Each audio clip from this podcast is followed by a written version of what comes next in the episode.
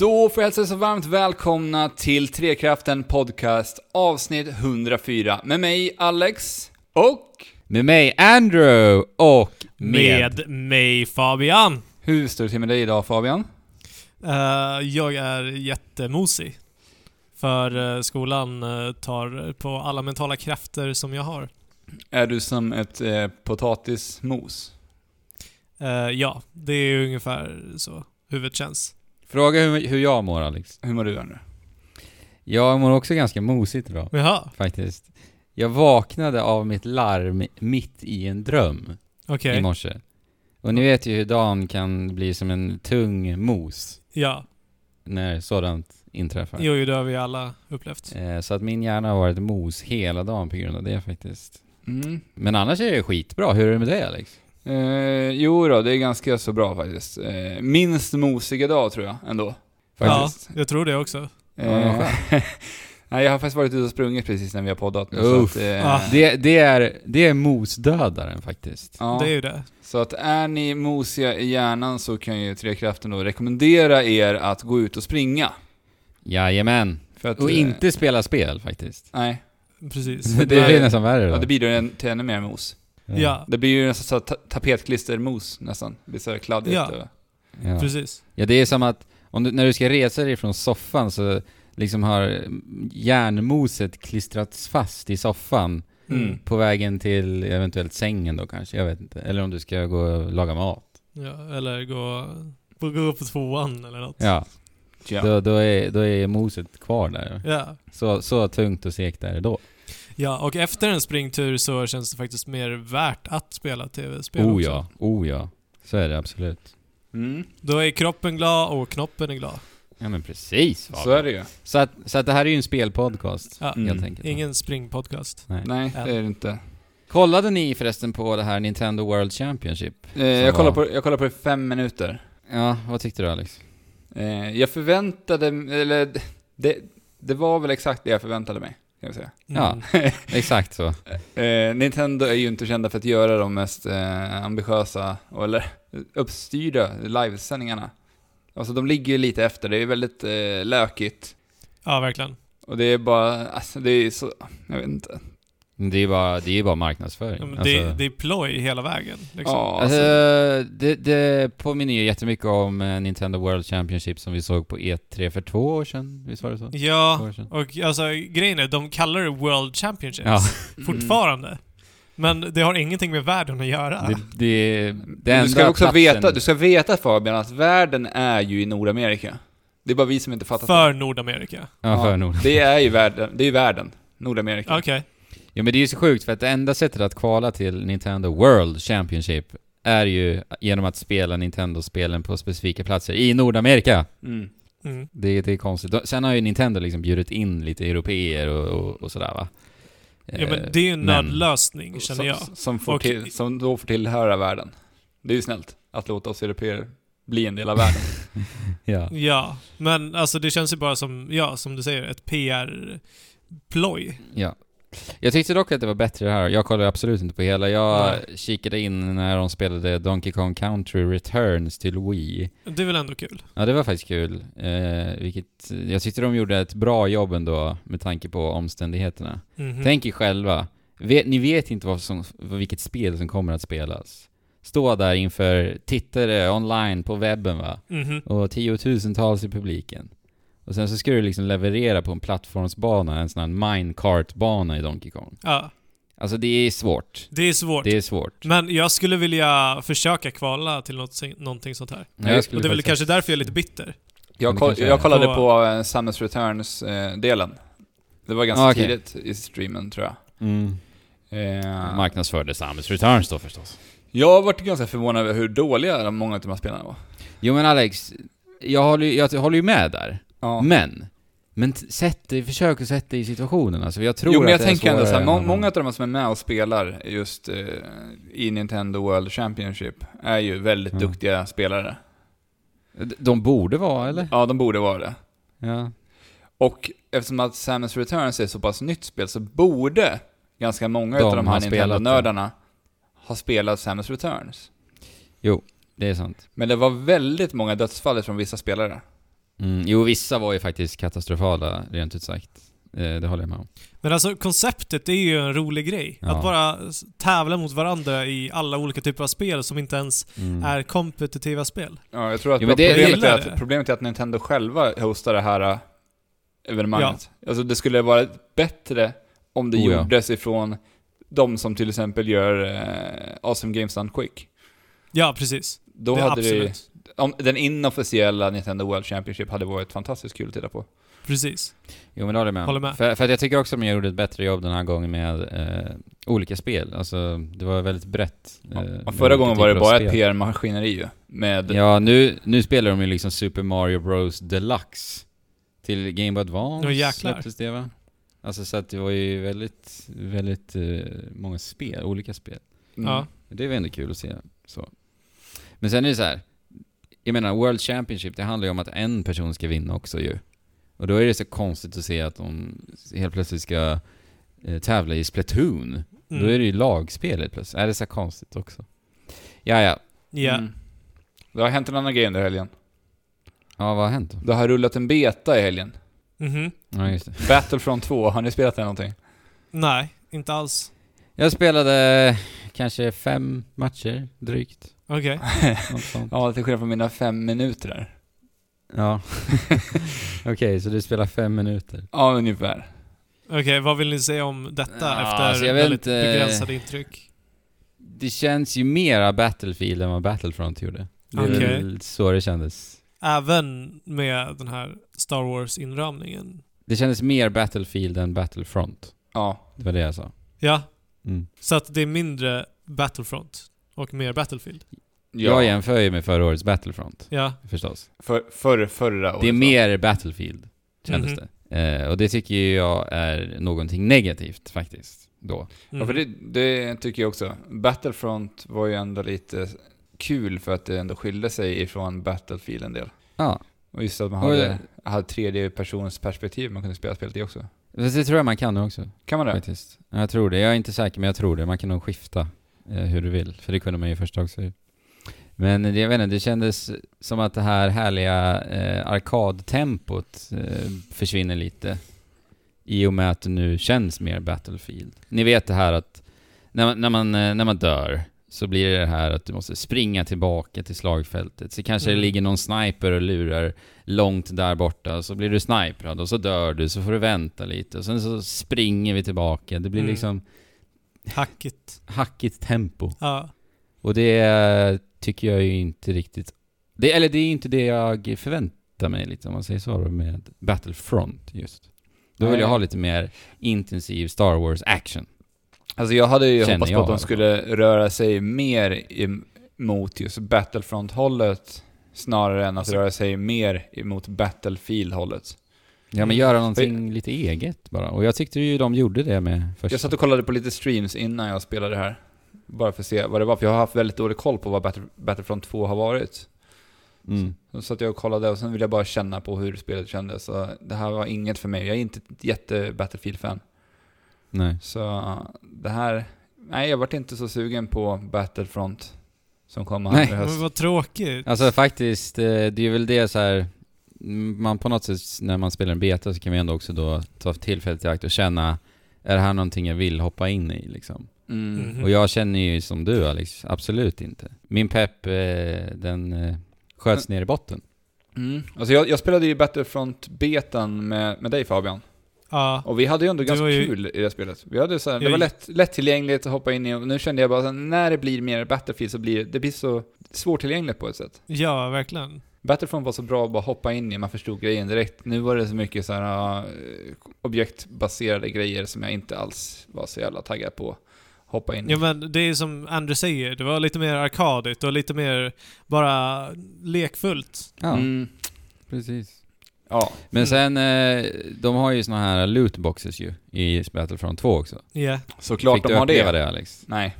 Alla spelar lootboxes idag. Och, Till och med Shadow of War har väl lootboxes. eh, jag vet inte om det är lootboxes. Nej, det kanske inte är men loot. Jag vet det att är de ska... mikrotransaktioner. Ja, det ska de ha. Men, eh, för det är ju så att för att låsa upp vapen i Star Wars Battlefront 2 så eh, erhåller du alltså en valuta när du öppnar lootboxes. Mhm. Och, med, och det är ju helt och hållet slumpmässigt vad du får i en lootbox. Mhm. Som det är med lootboxes. Ja. Det kan vara lite så här eh, victory poses och det kan ju vara allt vad det nu är. Aha. Och sen så kan du då också få eh, den här valutan och med den här valutan så köper du nya vapen. Så att det är helt och hållet slumpmässigt för dig när, när du kan köpa nya vapen Va? i det här spelet. Så som betan är nu, sen får vi ju se eh, ja, det där låter slutprodukten. jättemärkligt. För Ja. att bet, om jag kommer ihåg rätt så var eh, det upplägget lite annorlunda i Battlefront 1-betan. Hur man Ja, det fanns ju inga lootboxes Mm. alls där. Nej, men uh, till, Jaha, i till jämförelse skillnad- med okej. vad det blev i slutändan. Ja. Men alltså det är in, ingen liksom progression på något sätt då. Eh, nej, I så det- fall. inte vad jag har förstått som. Det är ju level förstås då. När, när, kom, när, att- när släpps det här spelet? Eh, 17 november tror jag att det är. Mm. Så att, En månad. de får lägga i, om- eller de, det är dags att ändra på någonting sånt nu då. Ja. Ja, men vi får se. Och sen så här, för att låsa upp lite så här extra perks till vapnena, då kostar det också valuta. Så att Mhm. jag har ju kollat, eh, jag kollade på Angry Joe, eh, han, eh, youtubern som la ut en video när han totalt rantade på det här. Aha. Och han hade liksom så här räknat ihop så här, på ett ungefär hur många lootboxes du behöver öppna för att låsa upp alla vapen i spelet. Baserat Aha. på hur spelet är idag. Aha. 720 stycken. Och jäklar. ja. Och, och det här kommer ju uppmuntra folk till att faktiskt köpa lådor. Mm. Förstås. För att det är ju klart att man kan då köpa lådorna. För annars måste du lägga till, säkert lägga ner tusentals timmar för att komma upp i 720 jädra lådor.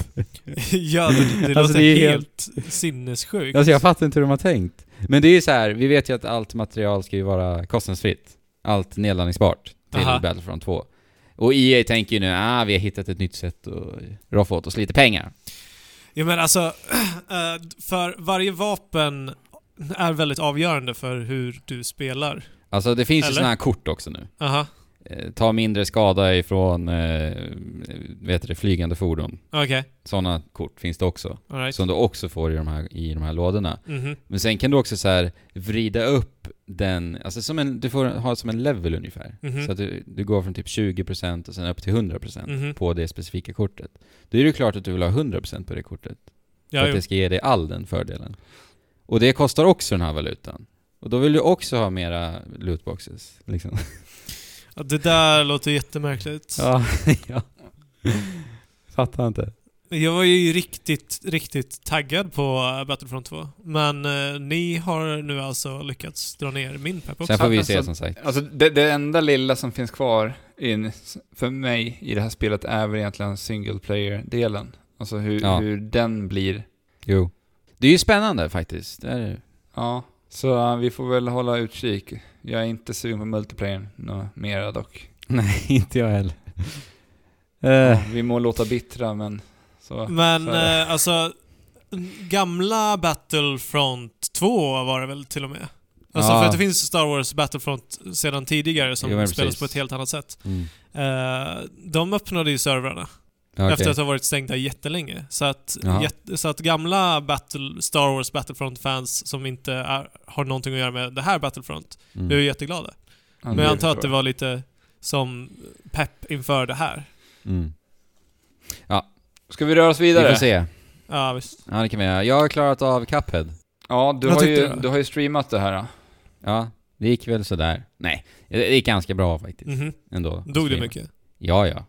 Skitsvårt spel, Nice. Cuphead. Jättesvårt. Mm, eh, jag måste så. ändå säga att man har ju hört så här, men det är ett svårt spel, Cuphead. Men det här var faktiskt nästan eh, förvånansvärt svårt. N- Till och med. Men Dark Souls jämförelse här då? Förstås då. Eh, ja men alltså, de är ju designade på olika sätt. Jo, såklart. Förstås. Men jag skulle nog faktiskt i slutändan ändå säga att Cuphead är svårare. Baserat Mhm. på hur många gånger jag dör. Ja, okej. Om vi säger så då. Okej. För Men att, det är ju lättare att dö här och mer liksom Exakt. lättillgängligt och sen så kommer man tillbaka väldigt mycket fortare. så det är en svår fråga. Ja. Om vi sätter Dark Souls på en skala 1-10, vart hamnar Dark Souls i det här?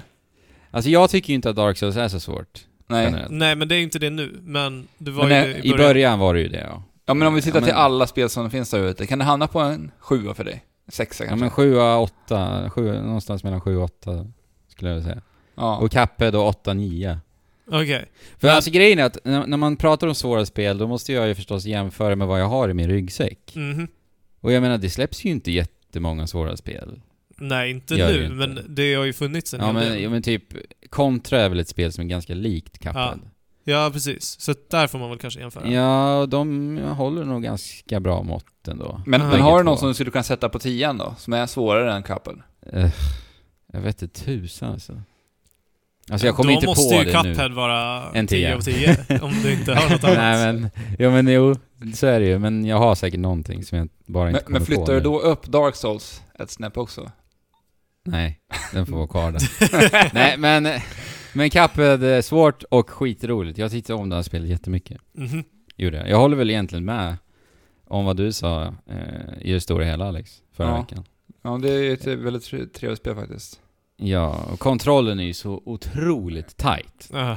Alltså den är ju så responsiv så att det nästan känns som att den ligger före Oj. till och med. Alltså den är ju löjligt. Jag Det skulle faktiskt vilja det. testa att spela det det, här sant? spelet i co-op och se hur det funkar faktiskt. Det, Det ska ju tydligen vara svårare i och med att bossarna tål mer. ja, det kan jag Också. tänka mig. Mm. Och det blir Jo, men- ännu rörigare på skärmen. I bossstriderna tror jag att det kan ändå vara rätt kul i och med att kameran oftast liksom är som låst, Mm. typ. Ja, men det blir en, ja. Fast det blir mer att hålla reda på och mer för ögat att ta in.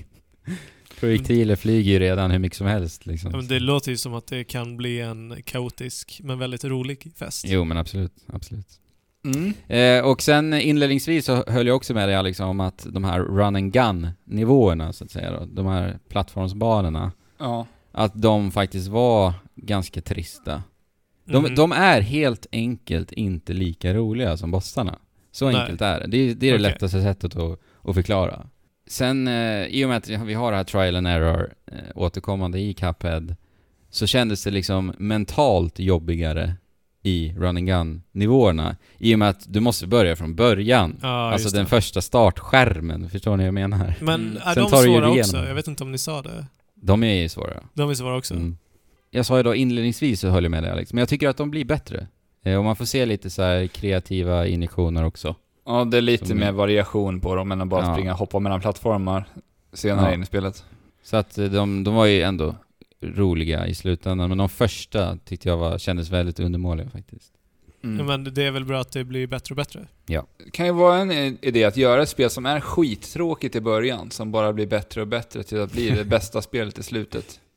Ja. men det är ju typ Dark Souls. Alltså, ja men jag tänker att ett spel som ska ha helt trasiga spelkontroller i början så. ja, okej. Men sen blir det bara tajtare och tajtare längre du kommer. Ja, och- typ en, ja, men, tänk er en Metroidvania och alla för, förmågor man samlar på sig gör liksom spelet helt enkelt bättre på, Ja. på alla punkter. Spelkänsla, kontroll, allt. Ja, ja, nej, vilken du, bra får, idé. du får en perk som liksom hjälper dig att förbättra spelkontrollerna. Ja, Ja, du får liksom eh, responsiv ja exakt. förmåga. Så heter den det? Nej, det ja, skulle... reflexer. Ja, reflexer. Precis. För att han är lite seg, gubben på... ja men tänk er. Prey då, de här neuromods. Ja, precis. De här implantationerna som du pratar om när du pratar om det Mm. Alex. Att det kan vara, men då får du bättre reflexer. Ja, då får du precis. tajtare spelkontroll. Ja. Så kan det bli något härligt metaspel. Att man... Något Ja. sådär. Ja. Men, Men, eh, jag ser fram emot att se dig göra det spelet, Alex. Tack. Snart. Men om man ska säga någonting så negativt då, alltså lite så små petitesser Jaha. eh, med Cuphead då. Och det gäller ju då hitboxarna. Okej. Eh, för det är, jag tycker att ibland har spelet lite problem med att kommunicera liksom när en kollision ska ske. Förstår ni vad Okej. jag menar? Alltså när du hoppar... Fram, Nej, fram, men i, I och med att det är så mycket liksom, animationer som sker överallt och det är saker och ting som flyger överallt. Jaha. Ibland så är det så här, nu blev jag träffad av någonting. Och sen en annan gång så bara, nej nu blev jag inte träffad av det där. jag märker det framför allt när, man, när det kommer till det här parry-systemet. Ja, det är lite sladdrigt ibland faktiskt, det håller jag med om. För där, Parry. parry-systemet är ju det här man kan hoppa och sen trycka på hoppknappen en gång till när du närmar dig ett annat flygande objekt. Ja, rosa objekt ja. Du kan ju göra det på alla flygande grejer. Nej, det är bara rosa. Jaha, det är så? Ja. Jaha, okej. Ja, då är det bara på rosa objekt då. Nej, Ja. Det är därför du har misslyckats så många gånger. Det kan vara För att du testat på gula och röda också. Ja, nej, det kanske är det då. Men det är den timingen, alltså parry-systemets timing är ganska märklig. Alltså, det blev en inlärningskurva att liksom eh, komma in i den timingen tyckte jag. Den kändes inte jätteintuitiv i början. Men inte det en... Alltså det är ju väldigt stor risk and re- reward-grej som Mm. man gör. Mm, Så är att därför ska det ju vara ganska klurigt Jo, att precis. utföra. Ja, det är säkert, det, det är ett medvetet val förstås. Men, eh, och sen är det också att vissa bossar känns lite väl slumpmässiga i hur de slänger iväg deras rörelsemönster på dig. För att alltså, varje bossfas eh, kom, kastar ju på dig massa olika nya lag rörelsemönster under bossens gång. Mhm. Och sen typ slutfaserna så kan de här liksom kombineras och blandas. Och allting sker ju slumpmässigt. Aha. Och det kan, jag tyckte faktiskt att det resulterade i ett par frustrerande döda, dödar, Mm. om vi säger så. Men alltså var det orättvisa dödar? Jag tycker det, faktiskt. Men var det orättvisa? Skit i vad du tycker. Ja, Men alltså, du kunde liksom inte klara dig Nej. på något sätt. nej. Då är det ju inte rättvist. Och det kändes frustrerande tyckte jag. Men hur ofta Inte jätteofta. Som sagt, det här är ju petitesser, för jag, i överlag så ler jag bara när jag Ja. spelar kaffet. Och sen eh, tycker jag också om det här att det inte finns någon livmätare. Det, alltså på bossarna. Mm. Eh, för att, hade det funnits en livmätare, då hade jag, mitt hjärta legat på, jag vet inte. För ni På vet ju... bårhuset nu. Jag tror det alltså. För att alltså, det är ju det som gör Dark Souls-bossar så otroligt jädra hektiska Ja. och, och adrenalinpumpande. Just för att när du ser att livmätaren är på liksom en millimeter, det är ju då du gör de här desperata Ja. Valen som ofta resulterar i att du dör liksom. Ja, verkligen. Men i Cuphead, då finns ju inte det. Så då håller du ju fokuset ända tills det står knockout liksom. Ja. Så jag vet inte. jag tycker ju bara det är skönt att det är så. ja, men det låter som att det är Jag bra. kollade ju på mycket speedruns när jag, direkt när jag klarade det. Skitroligt spel att kolla på. Eh, speedruns. Har du gjort det Alex? Nej, det har jag inte gjort. Det är ett tips. Och varför jag säger att det är ett tips är för att jag fick en helt annan upplevelse när jag tittade på speedruns. Okej. För att Cuphead är ett svårt spel, du måste vara fokuserad och eh, typ så kisa nästan när man spelar det för att man ska hålla koll på alla objekt som, Mm. som kastas runt omkring. Eh, men när jag tittade på speedruns, då tog jag ju in detaljer som jag inte ens hade tänkt på. Ja, jag, det är klart. det var ju så jäkla härligt att se alla animationer på de här häftiga bossarna ske. Och verkligen se vad de har gjort. Ja. Det kunde jag ju inte göra när jag spelade Nej, spelet. det är klart. Eh, och sen så, musiken. Den är ju fantastisk. En pumpande jazzorkester som bara ligger frenetiskt och pumpar hela tiden. Och jag, alltså jag älskade musiken. Jag tyckte också att den, den tillförde ju ett härligt gung i spelet. Liksom. Däremot så tycker jag också att det var synd för att lite missad potential att de inte har en boss som är rytmbaserad. Ja, just det. Det hade varit jäkligt häftigt i det här spelet. Så att man får ett ytterligare flow lite. Eh, och så att dens rörelsemönster då gör att du måste spela i takt till musiken. Det hade varit skitcoolt. Coolt. Kanske kommer det Cuphead 2. Ja, jag hoppas det. Ja, de här, vad heter de, MDHR, den här studion. Jag ser verkligen fram emot att se vad de gör härnäst. Ja. För att gå ut med det här spelet som ser så här fantastiskt ut, det blir svårt att bräcka det. ja. Så Alltså, jag måste väl antingen så hoppas jag att de håller fast vid den här typen av grafisk stil som de ändå har valt att gå med i Cuphead och bygger vidare Mm. på det till något annat spel. För det kan bli Ja. jäkligt, alltså det, det blir deras grej. Även fast de hade lånat det och inspirerats av gamla Disney-filmer. Mm. Så... Jo, för det är ju lite häftigt med Cuphead. Alltså för baserat på det estetiska så är det ju sjukt svårt att avgöra vad det är för typ av spel. Mm. Alltså typ, kolla på Shovel Knight, då ser du ju direkt, ja det här är ett spel som ska vara ett Nintendo-spel. Liksom, men Cuphead, det är så här, jag har ingen aning. Nej. Och sen bara visar det sig att det är ett jävla old school shoot 'em up liksom. Så att de skulle ju, som du säger Alex, kunna bara använda sig av estetiken och göra någonting helt annat. Mm. Det vore ju ganska häftigt faktiskt. Ja, jag tycker det vore läckert. Ska vi dra oss vidare? Du har spelat Wolfenstein också? Just det, Wolfenstein, eh, The New Order, Machine Games, eh, nazistfest. Alltså inte det nya, utan det Ja. gamla. Kände Det du gamla. lite tvungen att spela igenom det här nu när du hade pratat med Ark när ni två intervjuade Arcade på Machine Games? Ja men det måste jag ändå säga faktiskt. Eh, jag lovade ju honom, Ja. till och med. Så, Så att nu jag- nu Arcade har Andrew. Löf, löftet uppfyllt. Ja. Men eh, Eh. Fabian, du lovade ingenting eller? Det är inte vad jag kommer ihåg. Vadå? Du lovade inget? Nej just det. Ja. Nej. Eh, nej men alltså jag eh, tyckte det här spelet var bra. Wolfenstein. Eh, och den absolut största behållningen i det här spelet, det är det narrativa. Alltså helt klart. Ja, det håller jag med om. Jag minns det så väl när jag spelade att man bara längtade efter cutscenesen. Ja, alltså jag uppskattar det på samma sätt lite som jag uppskattar Uncharted-spelen. Att det spelmekaniska, nja, inte super, men det narrativa och när det just kommer mellan sekvenser, då är det, då är jag fastklistrad alltså.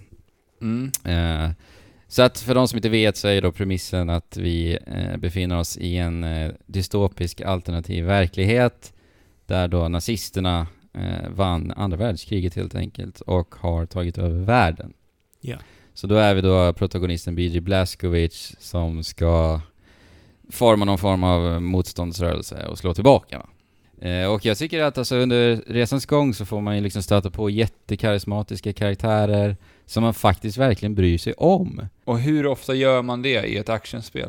Ja, exakt. Väldigt sällan. Och de visar liksom en emotionell sida, en mänsklig sida till och med. Samtidigt som det är over the top Oh ja, hela och, tiden. oh ja, och och, det skär sig liksom inte. nej. Och det är ju det här som de gör så genialiskt, eh, Machine Games. För att de har löst ett problem, och det är ju det här med ludonarrativ dissonans, Ja. tycker jag här. För att med den här nattsvarta dystopin, Ja. så har de bara löst det genom att skruva upp det till 11. Aha. och göra allting bara helt, helt galet och urflippat. Och jag menar, när jag sen då är B.J. Blazkowicz och bara går total banana som meniga nazister, efter att tidigare sett en, en mellansekvens där, där de har byggt upp ett sånt enormt hat, för att det gör dem skitbra också, mot de här nazisterna. Då känns det härligt att få utlopp för att bara totalmeja ner dem. Men det funkar också så otroligt bra i kontexten. I och med att de bara gör allting helt galet. Mm. Och eh, då tycker jag också att den här svarta humorn som är så eh, synonym lite egentligen med eh, det här spelet också funkar alldeles klockrent. Och när det kommer in den här mänskliga emotionella biten så funkar det också. Coolt. För, förstod ni varför jag tyckte det? Jag vet Nej, inte. alltså jag är inte riktigt helt, helt med. På, Nej. Men jag måste ju spela spelet för att kunna relatera till det lite, antar jag. När, när jag Ja. spelade Wolfenstein, The New Order, så tänkte jag väldigt mycket på Inglourious Basterds. Oh, mm. Just för att eh, de lyckades göra så här, få det att kännas jävligt gött när man slaktar nazister. Man tyckte det var lite fräckt liksom, för att de var så jävla over the top, de här karaktärerna man fick följa. Och på samma Mm. sätt så fick jag den goa känslan när jag spelade The New Order också. Man satt Mm. där och bara tyckte att Blazkowicz var rätt fräck. Alltså jag var, jag, jag var faktiskt mest arg, helt ärligt. För alltså, de är ju så otroligt ondskefulla. De är Ja, brutala, de är våldsamma så in i bomben. Till och med så att det vred sig i magen på mig ibland. ja alltså. på Och nazisterna. näst, nästintill att det blev osmakligt. Och så att när jag sen då fick meja ner de här, då njöt jag ju. Och var arg samtidigt. Nej men, eh, så det är den stora behållningen. Den narrativa biten. Jag tycker, det förvånar mig ändå hur pass bra det här är. Jag tycker ju att det, det är ju världsklass. Verkligen alltså. Coolt. Och alltså mellansekvenserna, bara de är ju, de har ju sådana otroligt skyhöga produktionsvärden också. Ja. Så det är bara eh, rediga jäkla applåder på den fronten till Machine Games. Ja, och snart så har du även ett nytt Wolfenstein som kommer. Ja, alltså jag kan ju inte vänta på mellansekvenserna i det. Alltså. Men där tycker Oj, jag att de verkar ha jobbat väldigt mycket mer på att göra just själva gameplayet ännu mer intressant. Om vi tittar på hur det ser ut i Mm. The New Colossus. Där vi har mycket mera möjligheter Jo. till, stealth, stealthande och sånt där bland annat. Ja, lite mer intressant progressionssystem verkar det som också. Ja, Mm. så Nej men se. alltså sp- spelmekaniskt så, så är det ju en väldigt old school shooter som de själva har sagt. Eh, det vill säga att vi inte har någon hälsa, eller re- regenererande hälsa, utan vi får ju då leta upp sådana health packs och sånt eh, på kartan. Och sen behöver du liksom inte sikta in för att eh, skjuta på dina fiender, utan det är bara plocka upp ett vapen och pang poff, skjut på en gång. Och du kan hålla i dubbla machine guns som man kunde Även göra det. på 90-talets Även det. actionspel. Men det, alltså, är ju, det är ju coolt. Ja, det, det är ju skitcoolt. Så det är ju väldigt simpelt, eh, rent spelmekaniskt. Men det, det här spelet fick mig att liksom tänka på varför, varför njuter jag inte så mycket som jag kanske borde? Och jag tror att det har att göra med att alla fiender i Wolfenstein The New Order använder sig utav så kallade hitscan-vapen. Mhm. Och hitscan innebär ju då alltså att när fienden skjuter på dig, när, när den fienden har tryckt på avtryckaren och har dig i sikte, då kommer skottet 100% träffa på dig träffa Ja. dig. Och Mm. eh, alltså den, den typen av fiendedesign tycker jag funkar ibland. Och det gör det i det här spelet ibland. Och det är främst när jag rör mig i korridorer och liksom får dansa runt hörn och sen snabbt och effektivt reaktionsmässigt och akkurat Mm. träffa mina fiender. Då tycker jag att det är ganska härligt och roligt. Ja, jag förstår. För att alltså, om man jämför med Doom, där nästan alla eh, vapen är projektiler. Precis. Som också är ganska långsamt gående. Ja. Eller du, du har alltid möjlighet att Ja, Väja dodger. för. Ja. alla Ja. skott som kommer mot dig. Och det är ju en del av den Precis. designen och det rörelsemönstren du har som eh, Doom Guy liksom. Ja. Eh, så att, och det, ja, men det, det, det, för- det gör ju att du inte trycker bakom hörn, utan för att du har en möjlighet att klara dig även om du hoppar upp i Ja, in the action. precis. Bra namn det där, Doom Guy, att man bara håller sig Doom så, håller sig så kort. Ja. Ja. Så alltså jag föredrar ju projektiler generellt, det gör jag ju.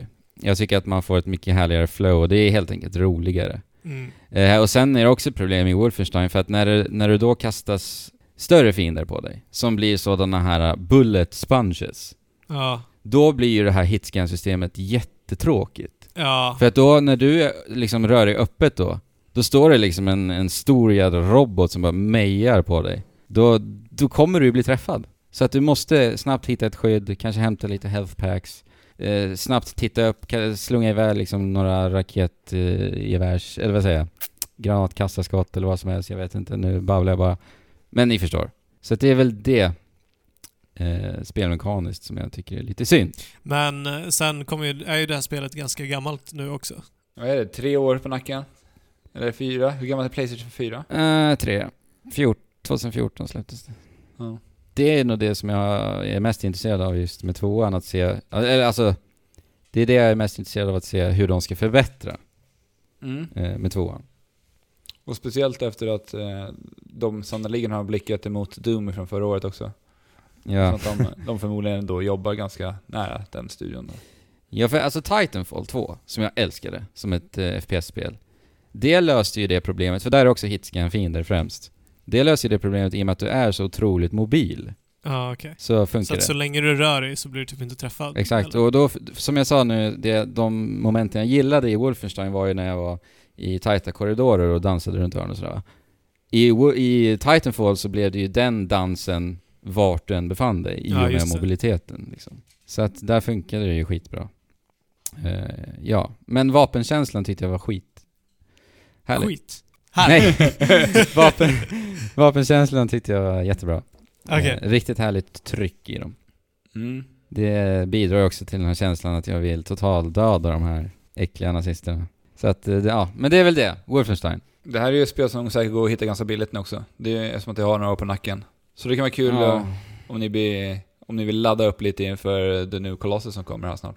Ja, det är, så jag gillar ju verkligen eh, inramningen och temat. Ändå en rekommendation får jag väl ändå säga. Och som sagt, även i och med att tvåan kommer. Och det är svenskt. Ja. Stöd vår svenska spelindustri Köp när Wolfenstein. de gör så här bra spel. Kör Ja, Fabian. Yes. Du har varit ute på golfbanan.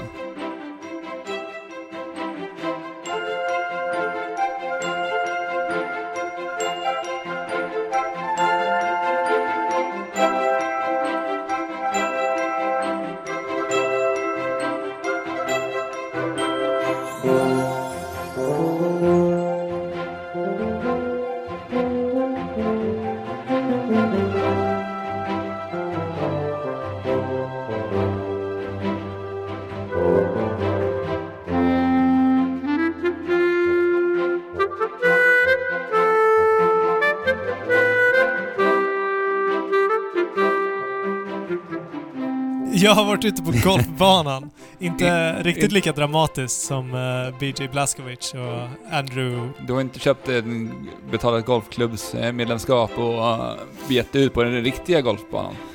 Det är eh, inte nej, riktigt, du, du platsar ju inte riktigt in på en golfbana. nej, det var ju ett tag då jag började lära mig spela lite golf. På Jaha. riktigt faktiskt. Är det sant? Är det därför du Men- har gett dig in i det här som du ska prata om sen? Eh, nej, inte Kan du- alls. Men anledningen till varför jag eh, gav mig in i det här och varför jag blev så snorigt jädra taggad när jag såg eh, att det här spelet utannonserades var för att jag hade spelat eh, Mario Golf till Game Boy Advance, nej Game Boy Color Ja, för en herrans massa år sedan. Ja, det är länge Och sedan. jag älskade det spelet. Total, var, var liksom total fastklistrad i det spelet. Men Och vad, vad är det för spel då?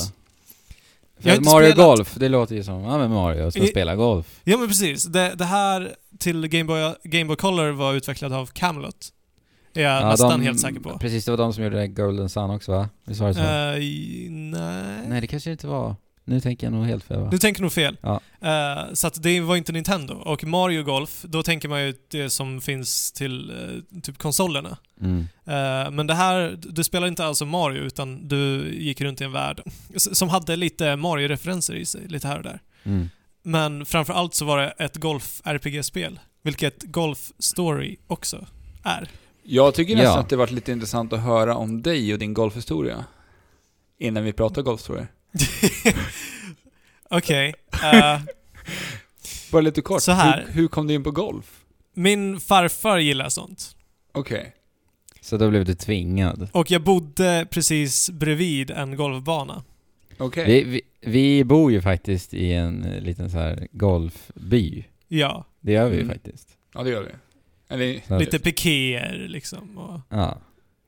Och sen så, ja, så gick jag några lektioner och sen så satte jag några hål, eh, lärde mig, drog några svingar. Ja. Sen gjorde jag inte det längre.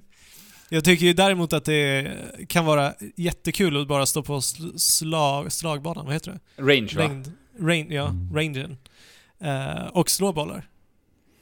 Så att du menar att Golf Story tar det bästa ur golfen till dig Eh, nej. och tar bort Alltså, det sämsta? Jag vet, jag vet inte ens vad det finns som är så åtråvärt i golf. För att alltså, om jag inte hade spelat Mario Golf Mm. så skulle jag så här, titta på det här spelet. Bara, golfspel?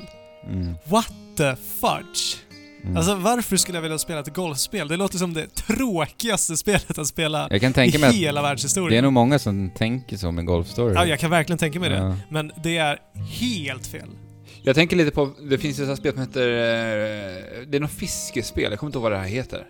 Det Som är nog inte jag spelat i alla fall. Men det kanske är lite samma grej där. Alltså det, jag tänker på, det var en tid på 90-talet man gjorde spel här, i typ en RPG-kontext fast det här Ja. spelet handlade om någonting annat. Alltså Harvest Moon är också ett litet sån grej. Alltså det är lite RPG över ändå. Alltså du kan bygga relationer och du bygger din farm och Ja, du precis. uppgraderar. Och sen hade jag väl det här fiskespelet som jag spelade, jag kommer inte ihåg vad det heter. Det är säkert någon lyssnare där som vet. Men det var också så här, man skulle bara ut och fiska, förbättra fiskespöet och nya beten och... eh, Eller beten heter det inte. Jo, det gör det, för det kollade jag upp Jo, upp när vi faktiskt precis. pimplade. ja, just det. Det heter ju det. Ja. ja. Eller, Det ja. har, vi, det, har vi, det har vi videomaterial på. Ja, Ja, det har och det har ni lärt er den hårda vägen. Ja. Ja, men så jag gillar ju faktiskt när det är lite kn- alltså RPG med någon knasig twist på. Jag tycker också att det här spelet ser faktiskt väldigt, väldigt eh, spännande ut. Eh, du nämnde Harvest Moon där i förbifarten. Ja, Och det här spelet är ju vad Stardew Valley är för Harvest Moon. Eh, oj, hur säger man? Det här spelet är ju som Stardew Valley är för Harvest... Nej. Nej, som, för- Harvest, ha, som vad heter Stardew Valley? är, nej, som Harvest Moon. Nej, vad blir det? Det här spelet... Nej, så här säger man. Så här säger man. Det, det här spelet är för Mario Golf som Stardew Valley är för Harvest Moon. Ja, ja, nu förstår jag. Så blir det. Bra! Bra. Jag fattar vad du menar. Det är glasklart. Ja, precis. Det kan inte bli mer klart. Nej. Och alltså det första, det första man slås av är ju den här inramningen. Det ser ju ganska, ut som, ganska mycket ut som ett SNES. Alltså, Stardew Valley. Väldigt Ja. mycket. Det ja, Stardew Valley. Ja. Om, du, om du kan referera till det. ja, men precis. Eh, det är liksom färgglatt, det är pixelerat. eh, men framför allt så är det eh, i dialogerna. För det är det första man börjar göra. Man, Mm. man pratar med folk. Ja, det är mycket dialog. Och dialogerna är jättecharmiga i sitt textformat. Men de lyckas också sätta sin egna quirks på dem. Mhm. För, för typ så här, om, om det är någon som blir lite besviken, då kommer textbubblan som texten skrivs i att så här, trilla ner lite på skärmen och sen är det Aha. HD rumble på det här i Nintendo Switchen. För det här är till Nintendo Switch. Ja, just det. Kan vi säga. Exklusivt. Ja. Exklusivt. Vadå, så Ja, att de är det. använder sig... Ja. Är, det, är det exklusivt eller kommer det komma till andra plattformar senare? En, nu är det exklusivt och inga andra format är utannonserade. Yes. Okej. Men vadå, så att de använder sig alltså av animation för att förmedla en känsla och då HD-rumble? Och HD-RAM, precis. Vad så att, häftigt. så att det är så här. eh, det, det är ännu liksom, eller- det gör att det inte är lika platt som att det bara dyker Bara en text. skärm. liksom. Ja, skärm på texten. Text på skärmen. Nej, alltså när du säger det så här, varf- har vi sett det förut? Alltså för att det Nej, låter ju skit. Inte Bra. riktigt. Det är skitbra. Ja. Jag, jag, vet inte, jag tror inte att vi har sett det förut för att jag la- så stort märke till Jag har det. nog i och för sig sett skakande bokstäver när en Mm. person har varit arg, typ Ja, i. Paper Mario va? Jo, Exempelvis. Mm. men här är liksom allting De med. tar det ett steg längre. Ja. liksom. ja vad, vad. Eh, jättebra. Hmm. Eh, det här spelet börjar ju med att du är eh, en, en, en liten pojke Mm. som är på golfbanan med sin far. Mm. Eh, din far, alltså du var är ju nä, nästan som din situation i verkliga livet här. Nästan. bara att det Bara, var- Fast det, var ju farfar. bara Ja. att min farfar inte var närvarande utan han skickade mig bara, Jaha, okej. tyvärr. Det var ju fan Eh. oschysst av farfar nu att han inte följde med och visade. Då kanske du hade hållit på med golfen idag. Ja, kanske. Eventuellt. Så, eh, men då kanske vi inte hade poddat å andra sidan. Nej. Nej. Sitta här Så idag. Så att, alltså, det är nog bra att det blev som det blev. Ändå. ah, ja. Du är den här pojken som eh, är med din far. Och han lär dig allt han kan om golf, i princip. Mm. Men sen verkar det som att den här pojken, som du kommer spela som, eh, lägger golfklubborna på hyllan ett tag. Rätt vad det är så återvänder du till eh, några, en, en, en herrans massa år fram i tiden. Då pojken har blivit man. Mm. Och då tänker han ta upp sitt golfspelande igen. Till varje pris. Det är aldrig för sent. Det är aldrig för sent. Men grejen är, han har ett förhållande eh, med, med en tjej som han helt och hållet struntar i för att uppfylla sina golfdrömmar. Så att hon Hur är Hur skitlack länge på hade hon varit med i bilden? Det förtäljer inte historien. Men, eh, men hon kände sig väldigt sviken. Ja, det förstår Mm. jag. Men det, det speglar ju bara hur passionerad vår protagonist är. ja. Och hela, hela den här världen är liksom uppbyggd kring golf. De lyckas göra golf till någonting coolt. Jag vet inte vad jag ska jämföra det med, men... Är, är det lite sådär som i, jag tänker hur det är i Pokémon, där hela världen, allting Ja, i Pokémon-världen handlar om Pokémon? Allting handlar om Pokémon. Här handlar all- allting om golf. Nej, det? Förutom de som tycker golf är riktigt jädra töntigt och håller har- på med frisbeekastning istället. Mm. Frisbeegolf, som att det skulle vara coolare. Ja men de tycker det. Jaha. Men det finns ju sådana mörka typer i Pokémon-universumet Det också. finns det ju också. Som, precis. Jag, har, jag måste bara flika in någonting annat om golf. Jag har ju flyttat ner till Blekinge och jag har ju åkt runt bil här nere i Blekinge. Jag har sett Aha. att det är förvånansvärt populärt med fotbollsgolf här nere. Jaha. Jag Det är visste lite- inte ens att det existerade. Det är lite konstigt. Jag har sett flera ställen som kör fotbollsgolf. Okej, så är det precis vad det låter som? Ja, du sparkar bollar ner i någon slags större hål då. Det är Mm. fotbollsgolf. Ja, men det skulle ju kunna vara kul. Ja, Sitter jag och tänker nu. varför inte? Ja. Kanske du som eh, gammal fotbollsspelare ändå skulle platsa som. ja. Det kanske kommer något. De, deras uppföljare kanske blir fotbollsgolf. Eller så kanske det i alla Fot- fall finns Fotboll golf story. Ja. Soccer golf. Ja, Jag vet inte. fortsätt. Så, förlåt. Men i alla fall, alltså själva gameplay-mekaniken när det kommer till golf är ju Mm. väldigt simpel. Okej. Det är vad man kan tänka sig så här. eh, du trycker på en knapp så eh, går det eh, en liten markör över en mätare Mm. och den ska du tajma rätt. En gång, bam, där har du, kraften. Mm. där har du kraften på ditt slag. Och sen så går den här mätaren tillbaka, eller markören tillbaka på mätaren. eh, och sen så ska du bam, Och vad är det som är Tajma sämst då? en... Uh, vadå sämst? På tillbakavägen? Om det är kraften först, vad är tillbaka? Först är det kraften, sen är det pricksäkerheten. Okej. Mm. Så att om du tajmar det alldeles rätt så får du ett superslag och då kommer du träffa typ exakt där du siktade. Ja, ja, ja. För att Men först så siktar måste- man in slaget så här. Måste du Mm. ta hänsyn till vind och sånt också, likt alla andra golfspelare? Precis. Alltså grejen är, det börjar så sjukt simpelt. Först är det i princip bara eh, att man lär sig att skjuta. Mm. Men bakom ligger alla andra mekaniker hela tiden. Mm. Eh, typ som att först, först så börjar man börja ta hänsyn till vinden och lutningen på banan och grejer. Mm. För att det blir lite svårare banor, lite starkare vind. och så vidare. Olika underlag också va? Ja, olika underlag. Mm. Eh, men eh, det, det är ju fortfarande så här, på banan så är det fortfarande banunderlag. Ja, okej.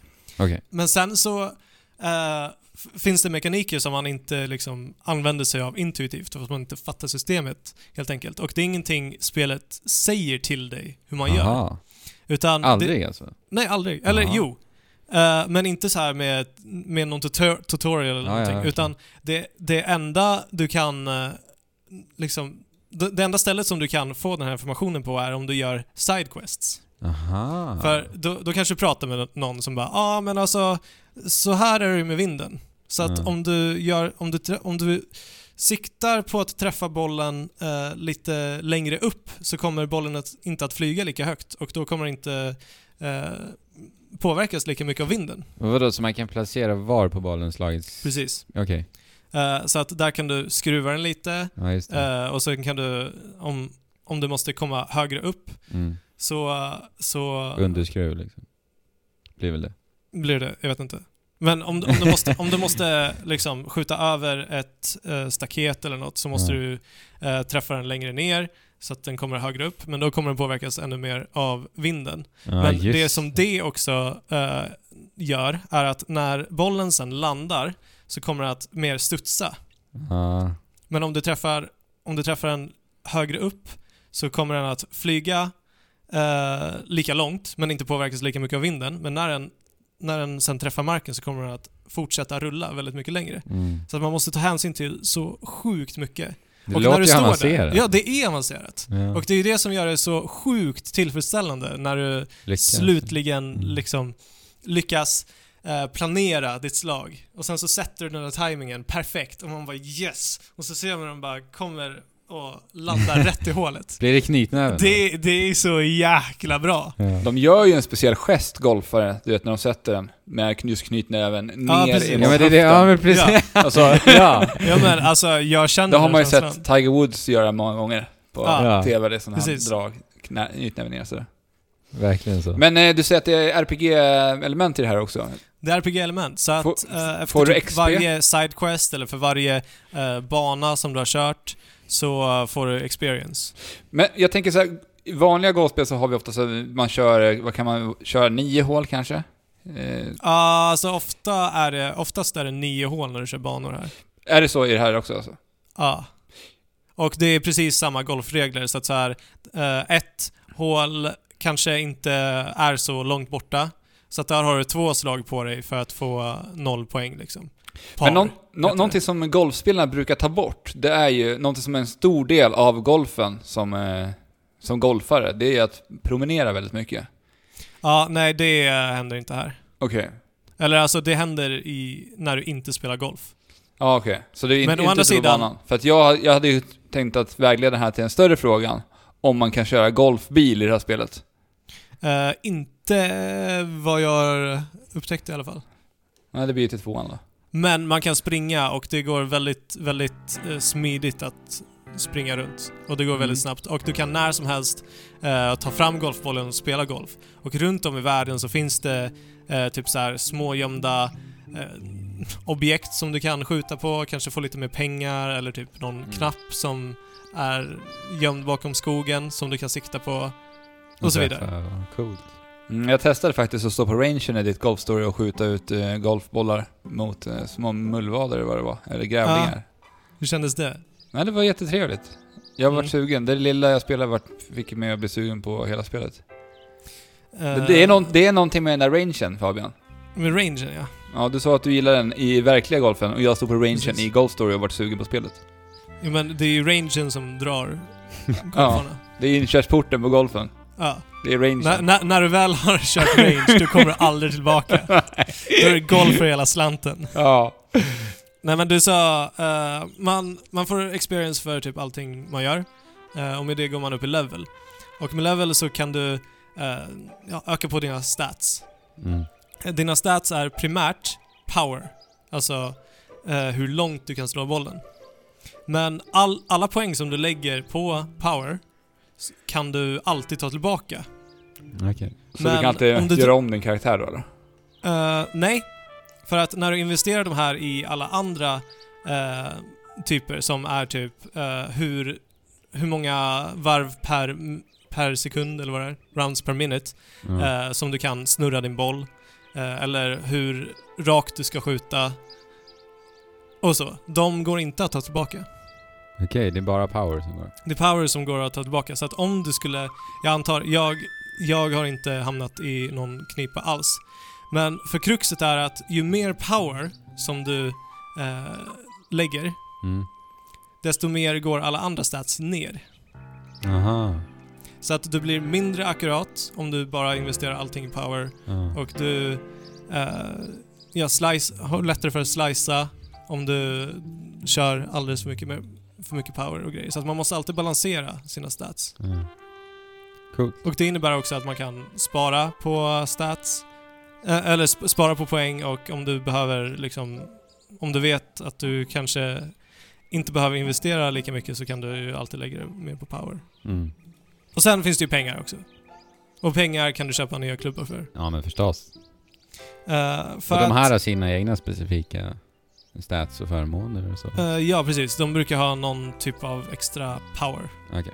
liksom. Mm. Typ som ett svärd i ett RPG. Men, ja, men känns det på samma sätt då ganska så här yeah, när du får ett nytt, en ny klubba eller? Ja, men det, det är inte så liksom utstuderat. Ja, okej. Det, det är ganska begränsat, i alla fall vad, vad jag har upptäckt, Mm. eh, med nya, nya klubbor. Okej. Och så. Men du nämnde att det fanns mullvadar på uh, rangen, Mm. Alex. Och Ja. det är ju alltså på första banan. På första Mm. golfbanan. Mhm. Och det finns ett antal olika eh, golfbanor runt om i en eh, huvudvärld. Ja. Och alla golfbanor har sina egna liksom, quirks. Så att Mm. den andra världen, eller golfbanan du kommer till, där är de av någon anledning grottmänniskor. Ja, okej. Och de kan liksom inte tala ordentligt och de går runt och med, med träklubbor och... Och då så alla Går i- banor berättar någon egen liten historia? Precis. typ. Och alla har sina liksom egna egendomligheter. Ja. Okej. Och det är skit. Ja. Hela vägen. För att det, det ger en helt annan liksom, variation Ja. i spelet. Och, alltså. och det, det gör också att det är så spännande att komma till en ny- Nästa, ja. Ja. För att alla, det ökar ju svårighetsgraden på ett eller annat sätt Mm. för varje eh, ny bana som du progresserar till. Mm. Men det är ett ganska stort spel det här. Eftersom att du har den här RPG... Alltså RPG-spel brukar ju vara... Det är stort men det är inte antal timmar. enormt. Nej. Men du kan ju såklart lägga ner jättemycket timmar på det här om du vill nöta och få eh, double eagle på varje hål i varje, Får man bana. betyg typ eller? Ja. Ja. Vad, vad, är en, vad är en double eagle för en som inte kan golf? Eh, jag tror att det heter double eagle. Jag är inte säker på att det heter det. Men en eagle i alla fall, när du lyckas sätta bollen i hålet eh, två slag innan par. Så att alltså, om, om du lyckas... Golf funkar så att du har en bana som är en viss längd och baserat på den här längden så blir du tilldelad en, ett visst antal slag. Så säg att du har en medellång bana, tre slag. Om du sätter den på tre slag så får du par. Par innebär att du Mm. får noll poäng. Okej. Eh, Mm. Och om du sätter det på fyra slag, då får du ett pluspoäng. Det är dåligt i golf. I golf vill- man ha minuspoäng. Ja. Så att en eagle är när du får minus två poäng. Ah, ja. Och du vill ha så lågt score som möjligt. Då vet vi det. Ja. Ja. Tack för Mm. den informationen. Tack, för- tack, tack för lite golf-info. Lite golftrivia. Mm. Ja, och alltså...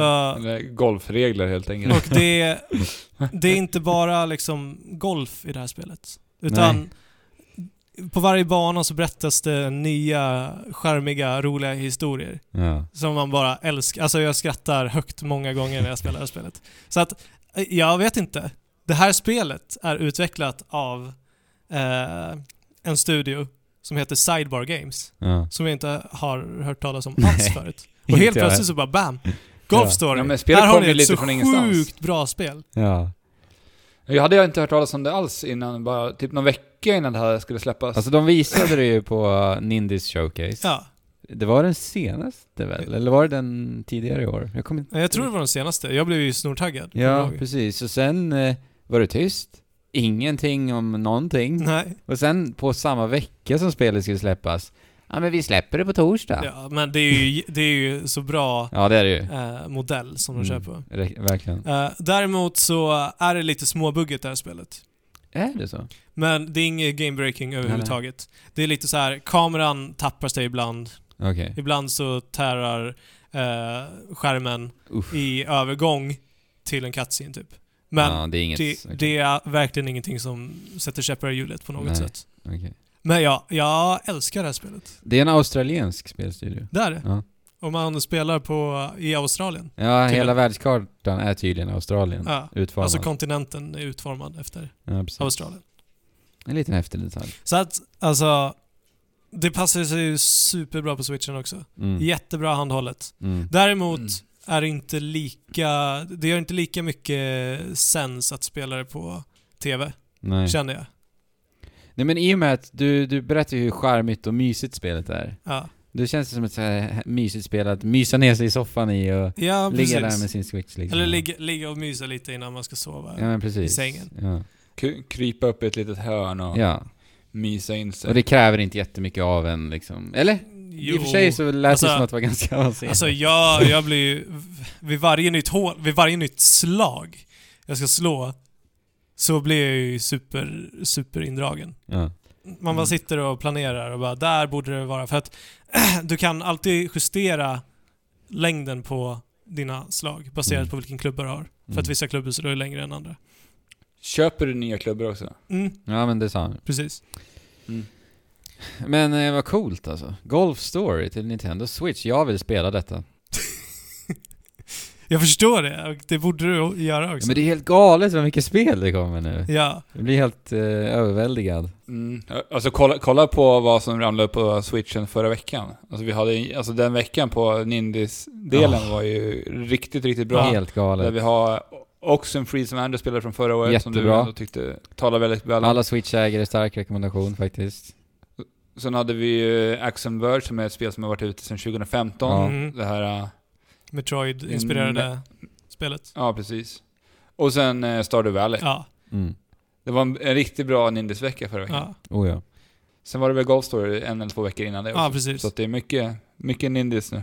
Jag vill bara säga om Golf Story och på tal om switchen så, det är så bra pick up, pick up and play-spel också. Mm, För att okej, man, man kan ju sluta när som helst och sen så bara ta upp det. Ja. Och fortsätta. Sp- alltså, det spelar ingen roll om det är mitt i en... på en bana. Nej. Eller i en match. Men så att Fabian, kontentan är strunt i att det står golf, strunt i att det handlar om golf, spela detta. Lite. eller? Jo men alltså, du kommer ju börja älska golf. ja. D- det ska du bara ha klart för dig. ja. Att det är risken. Att du kommer bli golfi, golfifierad. Golfified. Mm. Ja. Men eh, jag vet inte, jag blir inte golfifierad. Jag älskar ju bara det här spelet. Nej, säg inte det. Golfsäsongen är inte där ännu Fabian. Vi får se till nästa år om det blir så att du går och tecknar ett eh, medlemskap på ja, golfklubben. det, Det, det är inte det omöjligt. vet vi inte än. ännu. Men eh, Nej. jag vill ju spela det här, jag vill spela Stardew Valley, jag vill spela Axiom Verge, Super Mario Odyssey ligger runt hörnet. Det är för mycket hörni. Det är det. Och Ja. alltså Stardew Valley. Eh, jag har sagt varje gång vi har nämnt det här, Stardew Valley till switchen, Day One. Ja det är det för dig eller? Nej det har ju släppts. Det. det har släppts, och Ja. det var inte Day One. Nej. Men Golf Story har helt och hållet Oof. tagit upp. Så att Ja. alltså, jag vill bli klar med Golf Story innan jag börjar med Stardew Valley. Ja jag förstår. Ja roligt. Mm. Men då så hörni, denna vecka så eh, skippar vi nyhetssegmentet faktiskt. Ja. Eh, vi... Eller ja, det här, är, det här är ju en nyhet också, det vi Jo, ska jo, säga nu jo, faktiskt. men för att vi spelar ju in eh, så, så sent vi bara kan det här poddavsnittet faktiskt. Ja. Eh, så att vi måste vara lite rappa helt enkelt denna vecka. Jajamän. Eh, men eh, Alex, kan du berätta då? Ja, det är ju en nyhet som vi har, trots allt. Och den nyheten handlar ju om oss. Ja, Okej. Eh, vi har ju redan lagt ut det på Instagram, men nu på lördag, ja. eller det blir väl på, ja, lördag natt. Blir det. Söndag morgon. Ja. Från, från och med 03, vad är det, 03.30? ja. Men så här, nu ska jag vara tydlig här. Den 14 oktober. Nej, Ja. nej, nej, Nej. Förlåt. Den fem... Så här blir det. Den fem... Lörd, lägg till lördag också. Nej, men Nej. det blir inte det. Nej. Det blir ju söndagen den 15 oktober klockan 03.30 till klockan 07.00. Alltså natten mellan lördag och söndag. Exakt. Ja. Då, Så kommer vi i Trekraften att befinna oss på Spelhjälpen och streama lite spel. ja, vi är live då helt enkelt. Yes, vi är live och vi kommer bjuda på smaskigheter. Ja, spela lite Ja, spel, mysa. Ja. Det trevligt. Så att, eh, kom gärna och var vakna med oss, helt enkelt. Och håll oss vakna. Hå- Håll oss vakna, hjälp oss hålla spelhjälpen vaken. ja men precis. Det, det blir en utmaning för jag och Andrew är ju inte några nattmänniskor. Fabian, du är lite mer van med att vara vaken om Jo, nätterna. men alltså nu för tiden går jag upp var och varannan dag innan klockan har slagit sex på Ja. morgonen. Så Ja. att jag ja, vet det är starkt jobbat alltså. alltså. Så att ingen av oss Men- vill vara vakna då. Jo, jo men det är klart, men, det kommer bli snorkul. men våra kroppar kommer säga Hörru, ska du inte, ska du inte lägga dig på kudden? Vi får sova på tåget. Ja, det är inga problem. Ja, men eh, det ska bli skitroligt. Det här året samlar de in pengar till eh, Kvinna till Kvinna. Ja, precis. Så det har vi ju Heter inte, organisationen. det har vi ju inte sagt. Det är ju en välgörenhetsstream också ju. Härliga spelhjälpen. precis. Och man ser den på YouTube. Youtube. Spelhjälpen på YouTube. Så uh, jättekul om vi kunde få lite Trekraften-lyssnare att titta förbi på lördag. Ja. Eller på söndag 03.30. Det skulle vara supertrevligt. Nu är det så här va. Sekunden efter vi stoppade inspelningen till dagens poddavsnitt så fick vi purfärsk information. Det är nämligen så att under Spelhjälpen så kommer vi i samarbete med Bethesda ha en skräcknatt då vi spelar The Evil Within 2. Så anslut er och ge oss modet att överleva natten mellan lördag och söndag 03.30 till 07.00. Jag kan säga förvänta er mycket skrik. Jag personligen är extremt harig. Så det kommer ju vara ångest alltså. Oj, oj. Jag kan bara säga också att nästa veckas poddavsnitt kommer att bli lite försenat. Eh, till klockan tre på dagen. Mhm. Och det är på grund av ett sådant här embargo på ett spel som jag egentligen idag skulle kunna pratat om. Men så är det va. Eh, Fire Emblem Warriors har jag spelat. Bara så att ni vet. Så att klockan 15.00 nästa onsdag så kommer ni få väldigt, väldigt färska intryck. Och- Eller ja, färskare om inte för mig, men... Nej. Men det finns ju inte där ute annars. Nej, precis. Det släpps ju två dagar efter då, Ja. helt enkelt. Då. Blir det ju. Ja, Mm. något sånt. Något sånt. Och glöm inte streamen ikväll klockan 19.00 på twitch.tv snedstreck Trekraften stream. Det blir antingen jag eller Alex som streamar. Ja, och vad det vet vi inte ännu. Nej. Jag tänkte lägga upp en sån här, de har ju på Instagram nu så att man kan gå in och rösta, en sån här poll, har ni sett det? På stories. Nej? Nej. Så om det, om det är jag som streamar så kommer jag lägga upp, så man kan rösta, man kan lägga upp två alternativ på den här storyn, så kan man trycka på. Jaha. Okej. Så man kan då, man kan då fråga lyssnarna, vad ska jag streama idag? För jag har två idéer. Antingen, jag har ju börjat spela Shadow Mordor, eller Shadow Mordor heter det inte nu. Det heter ju Middle Earth, Shadow of War. Mm. Ja, just det. Just det. Där har jag börjat spela lite grann. Och sen har jag även pratat tidigare veckor om att jag ska spela igenom Super Metroid. Ja, just det. Och eftersom att jag har min SNES Mini hemma så tänkte jag, jag lägger upp de två alternativen när det är min tur att streama. Ja. Så får man se vad tittarna väljer. Ja, vad trevligt. Vilken Gött. smart grej. Bra, bra Ja. Instagram. Eh, och, Ja. och, ja, det är en bra Instagram vi har. Gå in på den, Trekraften podd. ja. Och nå, oss kan man ju då nå på trekraften.net i övrigt. Och Ja, där kan man då klicka vidare till kontakt och då ser ni då att vi exempelvis finns på Instagram då. Eh, och Mm. Facebook och Twitter och allt vad det var. Eh, och vi har YouTube-kanal fortfarande som ligger uppe, Trekraften. Och ansluter jättegärna till vår Discord-kanal som fortfarande är i liv och pumpar varje dag.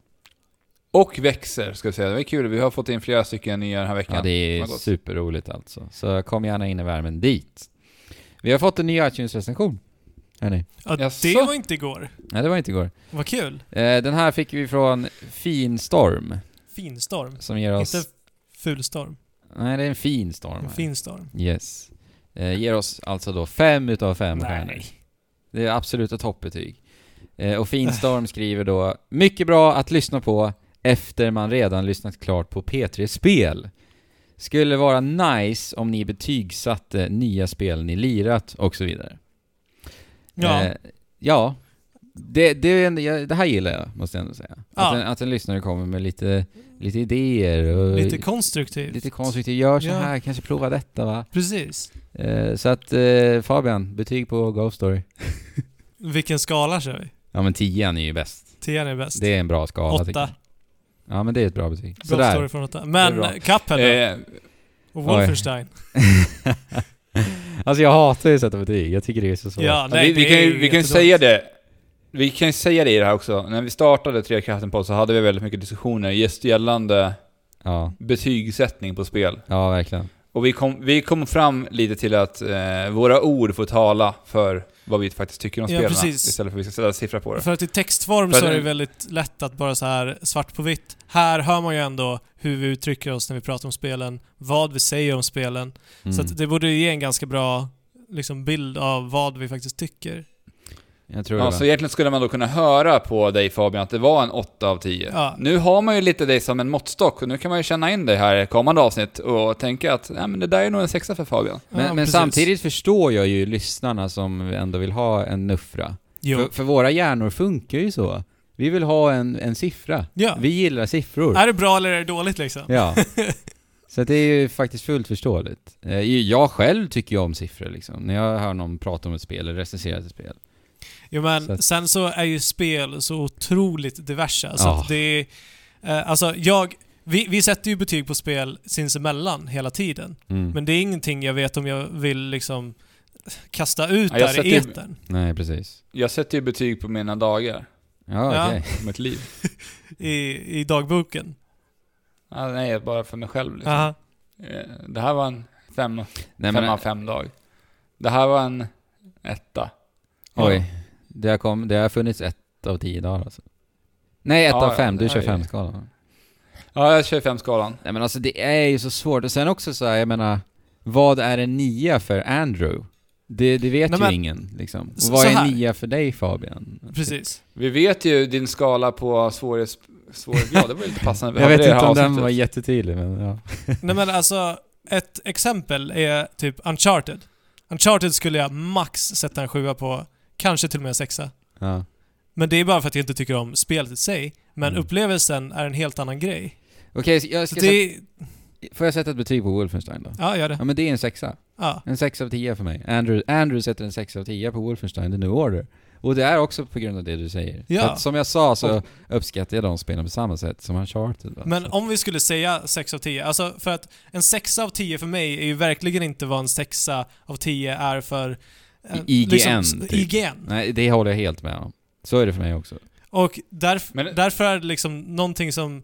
eh, en sexa är absolut ingenting dåligt för mig. Nej, inte Liksom. för mig heller. Men resten av världen håller inte med. Nej, alltså en sexa är ju här som folk... Folk köper inte spelet om du får en Exakt. sexa. Exakt Alex. Men det, det handlar ju om vad Och- man tycker om i spelen. Så Ja. att om du vill ha det där cinematiska i Wolfenstein och i Uncharted, Ja. då är det jättebra spel för dig. Ja.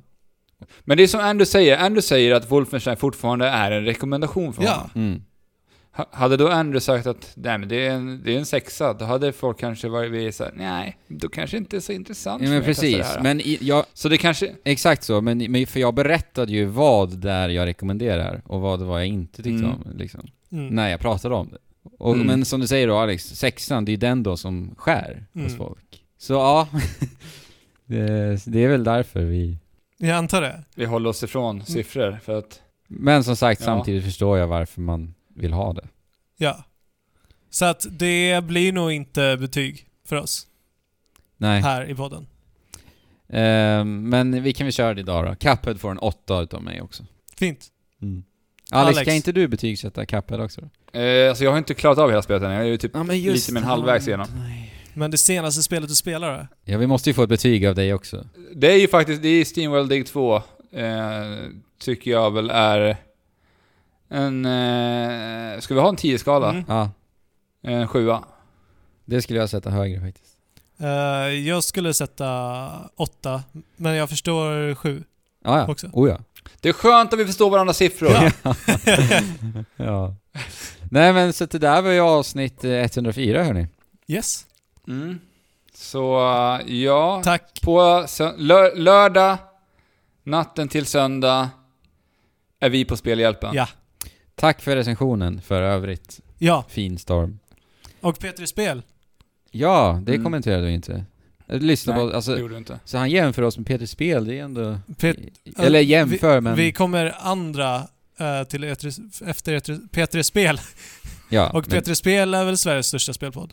Ja, det måste ju absolut Eller, vara det, en det, är av de inte, po- det är ju till och med ett radioprogram Ja, Det är ju ett liksom. radioprogram. Och Angelica mm. är ju jättebra. Ja, hon är ju fantastisk. Ja. Och eh, jag tycker alla de är jättebra. Ja. Viktor Leijonhufvud, Susanne är jättebra härlig. Så ja, tack för det alltså. Verkligen. Supertack. Ja, med det gossar så tycker jag att vi säger spela på Och och chip! chip, tjola, hopp, hopp. hopp.